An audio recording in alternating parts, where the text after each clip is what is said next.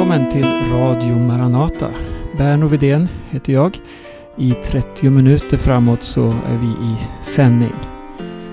Kan man göra någonting utav ingenting? Rent logiskt är det omöjligt. Men ändå är det en kärna i Bibelns budskap. Vi lyssnar först till en sång.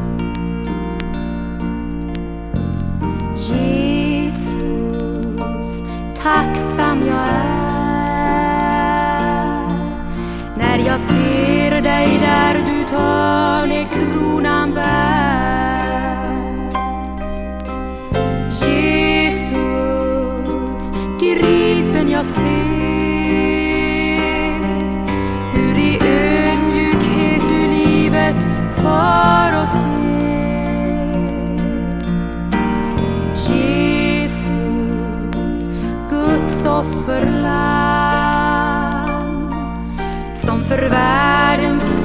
förs till korset fram. Utav hetska grymma bödlar under folkets grän och hår dör han, Guds egen käre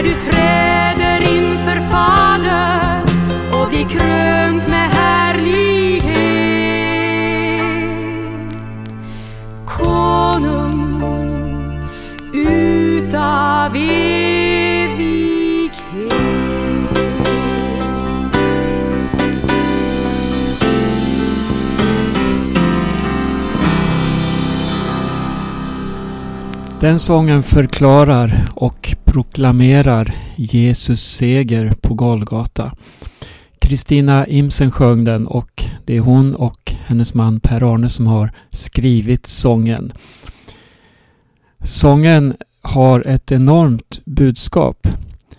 Det handlar om att vinna seger genom döden. Och det är ju faktiskt, faktiskt inte på det sättet man Eh, ser framför sig då en segerfurste. Men faktum är att Jesus han vann seger genom denna yttersta svaghet. Han dog.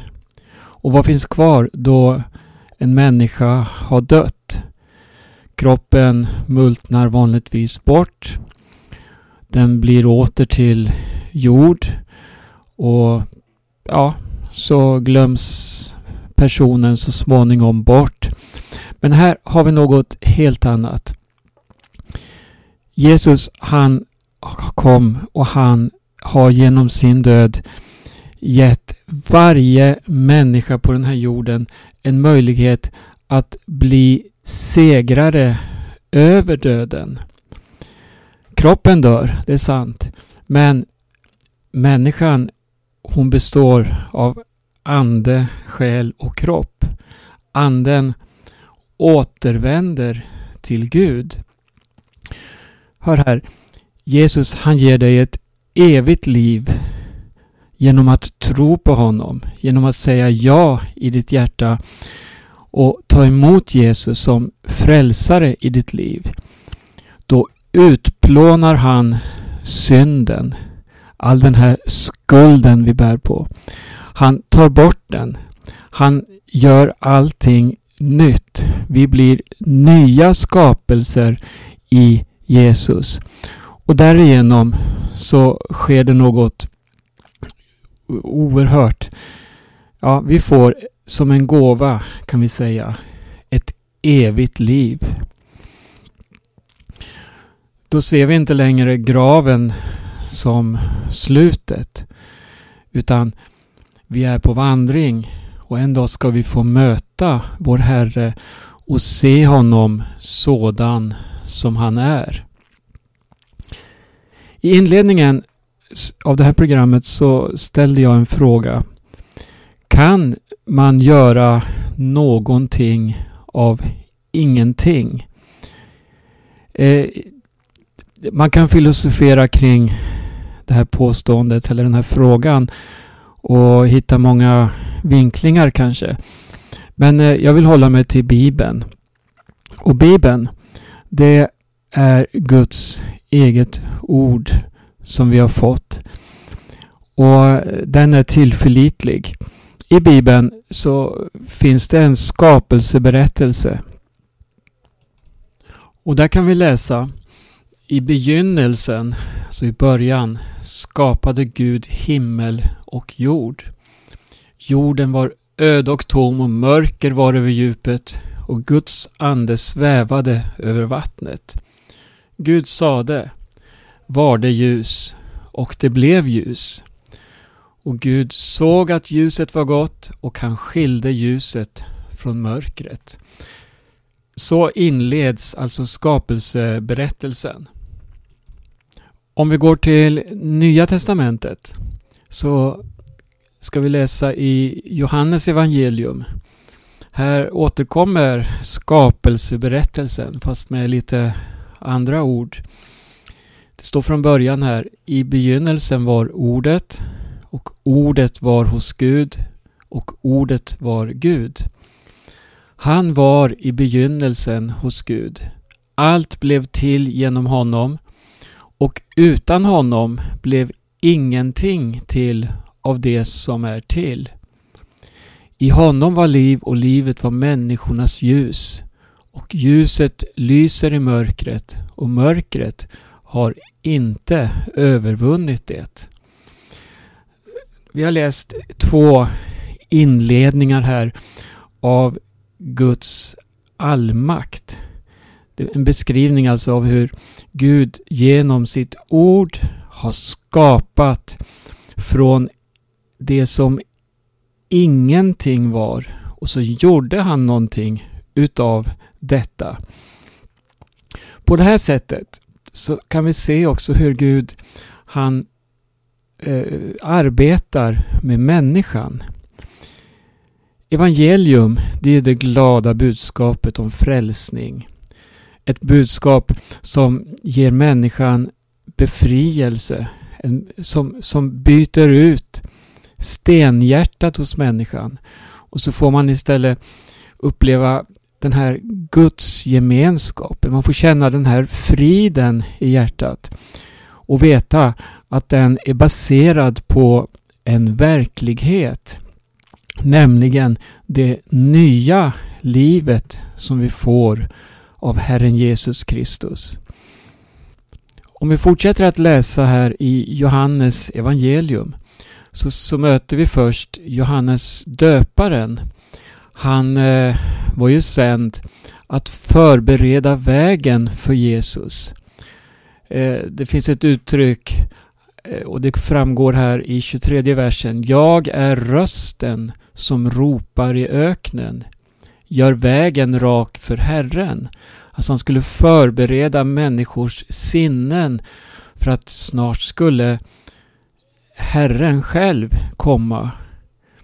Och han säger så här i vers 26. Jag döper i vatten, men mitt ibland er står en som ni inte känner. Han kommer efter mig och jag är inte värdig ens att lossa remmen på hans sandal. Sen kom Jesus och då utropade Johannes när han fick se honom komma. Se Guds lam som tar bort världens synd. Och den här versen det är en av de kraftigaste vi har i Nya Testamentet som beskriver just vilken oerhörd makt Jesus har. En person som kommer gående bland alla andra. En enkel människa som, eh, ja, kommer sänd ifrån Gud. Och hör, han kan ta bort världens synd. Det här som plågar människor så oerhört. Och så fanns det då i bland eh, skaran där några lärjungar till Johannes. Det står i vers 35 att nästa dag stod Johannes där igen med två av sina lärjungar. När han såg Jesus komma gående sa han Se Guds lam. De båda lärjungarna hörde vad han sa och följde efter Jesus. Och eh, i vers 40 så står det så här att Andreas, Simon Petrus bror, var en av de två som hade hört vad Johannes sade och följt Jesus.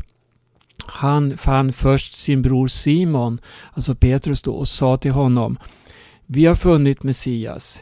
Det betyder Kristus, den smorde. Och han förde honom till Jesus.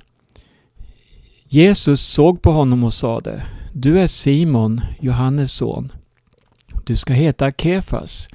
Det betyder Petrus. Här möter vi, eller vi ser här det första mötet som fanns, eller som Bibeln beskriver då, mellan Petrus och Jesus. Och redan här ser vi hur Jesus, han pekar ut Petrus speciellt och ger honom till och med ett nytt namn.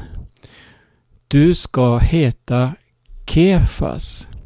Det betyder Petrus och det är arameiska då och grekiska för sten eller klippa. Och det, det här var ju oerhört att läsa då hur Jesus han börjar plocka ut sina lärjungar. När det gäller Petrus så tycker man då att från den här stunden så borde han ha blivit en hängiven efterföljare av Jesus. Han hade fått höra att det här är den gudasände. Han som tar bort världens synd. Och han är löftet till Israel. Han är löftet faktiskt till hela mänskligheten. Och han säger Följ mig. Han ger dig ett nytt namn. Du är klippan. Och, och sådär. Och så möter vi ändå hur Petrus han går till sitt gamla yrke. Han återvänder till fiskafänget. Han var ju en stolt yrkesfiskare som hade god kunskap om sitt yrke, om Genesaret, denna sjö där han kände sig som kungen. Han visste precis hur allting fungerade. Det fanns, vad ska vi säga, en stolthet hos honom över det han hade. Säkert också många frågetecken inför det han har mött. Men det fanns en barriär hos honom. Och Jesus, han visste precis hur han skulle möta Petrus. Och nu ska vi gå till Lukas evangelium. Kom ihåg eh, det jag sa inledningsvis. Det som ingenting är. Av det så gör Gud någonting. Och det Gud gör, det blir så mycket bättre än allt vad vi kan åstadkomma. I Lukas 5 så läser vi då från början. En gång stod Jesus vid Genesarets sjö och folket trängde sig in på honom för att få höra Guds ord. Då såg han två båtar ligga vid stranden. De som fiskade hade lämnat dem och höll på att skölja näten. Jesus steg i en av båtarna, den som tillhörde Simon, det är alltså Petrus, och bad honom lägga ut lite från land. Sedan satte han sig och undervisade folket från båten. När han hade slutat, eh, förlåt, när han hade slutat tala sade han till Simon Gå ut på djupet och lägg ut era nät till fångst. Simon svarade Mästare, vi har arbetat hela natten och inte fått något, men på ditt ord ska jag lägga ut näten. De gjorde så och de fick så mycket fisk att näten höll på att brista. Då vinkade de åt sina vänner i den andra båten att komma och hjälpa dem. Och de kom och fyllde båtarna så att det var nära att sjunka. Här möter vi då Petrus. Han, fiskmästaren, alltså han, han var i sitt yrke. Han eh, hade arbetat hela natten på det sätt som han brukade göra. Och han visste precis var han skulle kasta in näten, var fiskarna brukar hålla till och så vidare. Den här natten så står det att de hade inte fått något. Ingenting. Näten var tomma. Det måste ha varit tungt bara det för Petrus. Och så kommer Jesus och säger Kasta ut. Gå ut på djupet. Lägg ut era nät till fångst. Jag kan tänka mig hur, hur Petrus reagerade inom sig inför detta. Ja men Jesus, vi vet, vi kan det här yrket, vi vet hur man fiskar och det går inte nu på dagen att gå och lägga ut näten. Men vi gör det på ditt ord, Herre.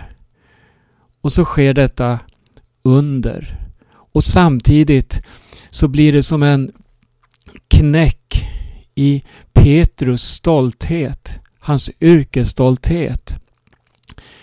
Det står i vers 8 sen. När Simon Petrus såg detta föll han ned, ner vid Jesu knän och sade Gå bort ifrån mig, Herre. Jag är en syndig människa. Här hade han fått möta Jesus som hade tagit av honom den här stoltheten på något sätt. Det som han bar på, det som han behövde för att inse vem Jesus var och vilken eh, plan Jesus hade för hans liv. Nu var han totalt förkrossad, tillintetgjord. Gå bort från mig, Herre. Jag är en syndig människa. Han och alla som var med honom hade gripits av bävan inför fångsten som de hade fått. Även Jakob och Johannes, Sebedeus söner som fiskade i lag med Simon. Men hör här vad Jesus säger. Hör vad han säger till Simon, till Petrus. Var inte rädd. Från och med nu ska du fånga människor. Och det här återkommer också i de andra evangelierna när Jesus kallar lärjungarna, när han kallar fiskarna. Följ mig och jag ska göra er till människofiskare. Ja, då drog de upp båtarna på land, lämnade allt och följde honom. Jesus han valde lärjungar från Galileen, från områden där man vanligtvis inte skolar lärjungar. Han eh, hade första delen av sin verksamhet i ett område dit ingen egentligen eh, förväntade sig att här skulle det uppstå någon profet. Nej, om man läser om de här platserna där Jesus arbetade och där han hade sin verksamhet så var det områden som var bortglömda. Det var områden som eh, ja, det var lite av landets baksida. Man såg ner på de människor som bodde där. Och, men Jesus han gick in där och han började förkunna. Han började besöka människor och han reste upp människor. Han gav sig in i, i eh, sammanhang vilket väckte kritik då också ifrån landets ledning eller från den religiösa ledningen bland fariseer, skriftlärde, bland prästerskapet. Jesus han, han eh, drog alla ögonen till sig och det står vid ett tillfälle också hur de kom dit, fariseerna, de laglärde prästerna från alla olika platser för att lyssna på Jesus eller för att hitta något att anklaga honom för. Där Jesus drog fram så eh, rörde det på sig. Det hände saker. Men i, i det här programmet, det, det, det, det jag vill lyfta fram det är hur Jesus, han kom, som det står i Lukas, jag tror det är 19 och 10. Människosonen har kommit för att uppsöka och frälsa det som var förlorat. Alltså det som ingenting var. Och nu ska vi läsa ett annat bibelord där aposteln Paulus skriver om samma sak. Han skriver till eh, församlingen i Korint. Och den församlingen har ju han själv varit med och fött till liv. Alltså han, är eh, en, en, han ser sig som en far för församlingen.